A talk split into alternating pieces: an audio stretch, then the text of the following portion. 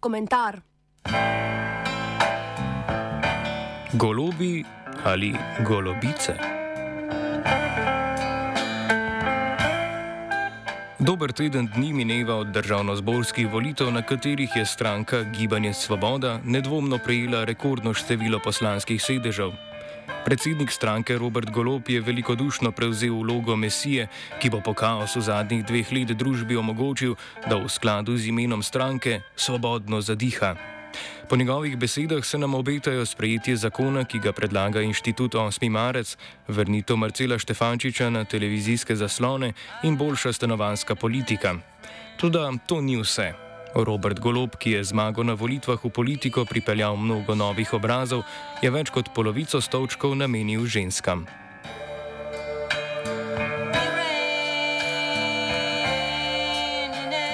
Ta podatek ni presenetljiv le v kontekstu sestave nove stranke, marveč tudi glede na dosedanje trende vstopanja žensk v slovenski politični prostor.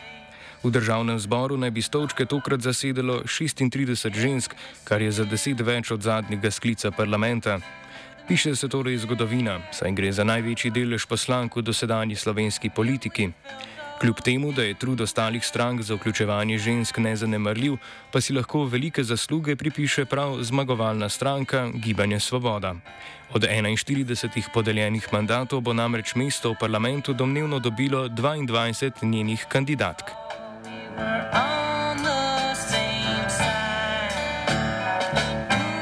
Delež žensk, ki sestavljajo parlament v Sloveniji, sicer narašča. Porazni rezultati mandatov med letoma 1996 in 2000 ter med 2004 in 2008, ko je v državnem zboru sedelo le 11 poslank, so se popravili zlasti s premembo zakonodaje. Po letu 2004 smo v zakonih o volitvah za Evropski parlament, lokalnih volitvah in volitvah v državni zbor določili tako imenovano neutralno različico spolnih kvot pri oblikovanju kandidatnih list. Zakon določa, da ne sme biti na kandidatni listi noben spol zastopan z manj kot 35 odstotki vseh skupnih predstavnikov. Kljub temu, da je zakon zapisan v obliki, ki narekuje vključevanje obeh spolov, pa gre za mehanizem, ki skrbi zlasti za vključevanje žensk v moško dominantna okolja, kakršno je politično. Zakon predpisuje, da volilna komisija kandidatno listo ob neupoštevanju spolnih kvot zavrne. Zdi se, da je problem rešen, kaj ne?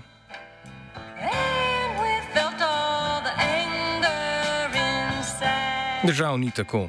Zakon o volitvah je namreč neke vrste slamnati mož. V Sloveniji imamo spolne kvote za postopke kandidiranja, ne pa tudi za zagotavljanje večjega deleža izvoljenih posameznic. Strukturo našega volilnega sistema tvorijo volilne enote, ki jih nadalje tvorijo volilni okraji. Poznavanje posameznih okrajev in njihovih voljivcev je ključno za načrtovanje, kdo bo imel možnost vstopiti v parlament. Ključni predstavniki, ki so navadno pripadniki moškega spola, kandidirajo v okrajih, ki jim zagotavljajo izvolitev. Kandidatke so tako, načrtno ali ne, premeščene v okraje, ki za stranko niso bistvenega pomena, s tem pa se zmanjša tudi njihova možnost za preboj v parlament. Sicer je treba priznati, da bi bilo stanje v političnem prostoru brez opisane ureditve veliko slabše. Zakon namreč pomeni izenačitev vstopnih pogojev za oba spola.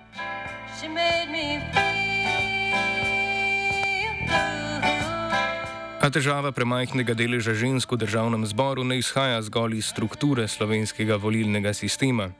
Ženske se namreč same ne odločajo za vstop na politični parket. Eden od argumentov, ki se nam ponujajo, je gotovo stoletna izključenost žensk iz javne sfere. Po bojih sufražetk in drugih bitkah za volilno pravico smo ženske res pridobile pravico do odločanja, a odhod na volišče vsaka štiri leta, čeprav je pri nas navadno pogostejši, ni prida zamuden. Enako pa ne moremo trditi za upravljanje službe predsednice stranke, ministrice ali sekretarke. S tem naj se, kot pogosto slišimo, torej ukvarjajo moški, ki so racionalnejši, odločnejši in bolj karjerno orientirani.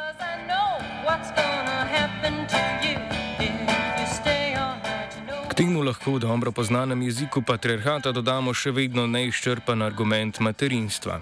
Vsekakor je okolje, v katerem se znajdejo poslanke v kontekstu ustvarjanja družine, vse prej kot prijazno. Zakonodaja namreč ne predvideva nadomeščanja poslanke na porodniškem dopustu. Po porodu je naprimer kandidatka liste Marjana Šarca Jerca Korče kljub materinskemu dopustu prihajala na glasovanja. A tudi ta odgovor na vprašanje, zakaj se število žensk v državnem zboru ne povečuje, ne zdrži. Dele žensk, ki se ne odločijo za ustvarjanje družine, se povečuje.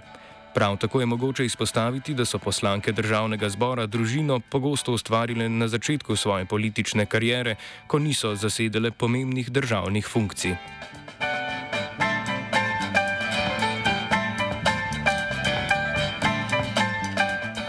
Preboj in obstoj v političnem prostoru za ženske gotovo nista majhna zalogaja. V Sloveniji je politika z leti postala zlo, v katero naj posameznik kljub političnim ambicijam ne vstopa, saj se stvari ne da spremeniti. Tako je zanimanje za pridružitev političnim strankam majhno, še manjše pa je med ženskami, ki so poleg zmerjanja zaradi izbire politične karijere deležne mnogih mizoginih opask. Kandidatke so tarče vse splošne diskreditacije kritizirajo njihove javne nastope, izobrazbo, pogosto tudi dejstvo, da sploh imajo kariero. Če so zvesti Twitteraši že izčrpali strokovne nekompetence žensk, pa je vedno na voljo tudi kritika njihovega videza. Ta vključuje vse od drže in izbire oblike, pa do vedno prisotne analize telesne teže posameznic.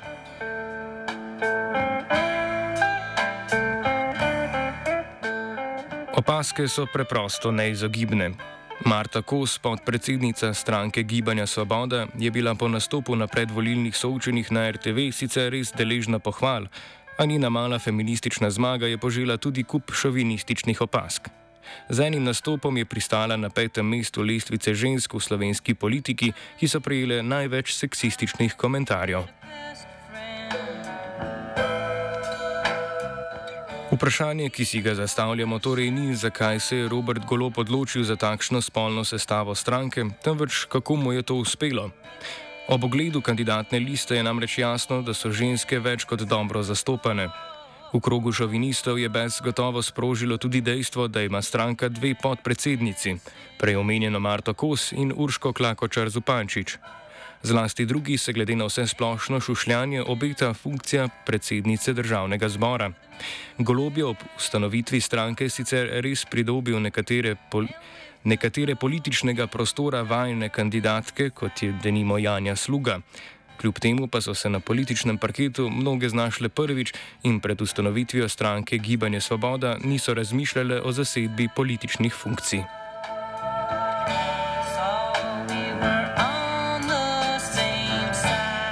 Kako točno je uspelo golobu v politiko pripeljati toliko ženskih obrazov, torej ni popolnoma jasno. Sam je večkrat povdaril, da je pri oblikovanju ekipe iskal ljudi s kompetencami in podobnimi pogledi na svet. Pa vendar si želimo trditi, da to počno tudi v nekaterih drugih političnih strankah. Verjetno gre za kombinacijo zaupanja Robertu Golobu kot novemu obrazu in njegovi strokovnosti, ki ima je dodana naveličenost nad družbenim stanjem. Gotovo pa ne, ne smemo zanemariti šovinističnih komentarjev nekaterih predstavnikov vlade, ki so ženske nenamerno spodbudili k politični participaciji.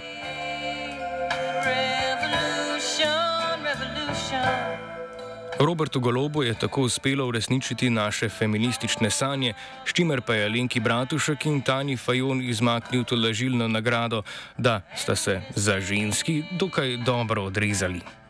Njuna vloga v strankah pa kljub golobovemu uspehu pri vključevanju žensko politiko ne sme ostati spregledana. Tako Fajon kot Bratušek sta prevzeli funkcijo predsednice v strankah, čeprav njuni listi večinoma vključujejo moške. Kljub prispevku stranke Gibanje Svoboda na področju enakosti med spoloma pa ne smemo pozabiti, da je vseh 22 verjetnih poslank v parlamentu stopilo zaradi stranke, ki jo vodi moški.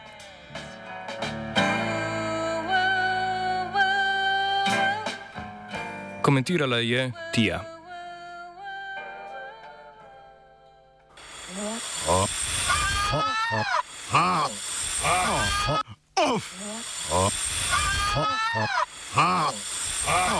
Off komentar.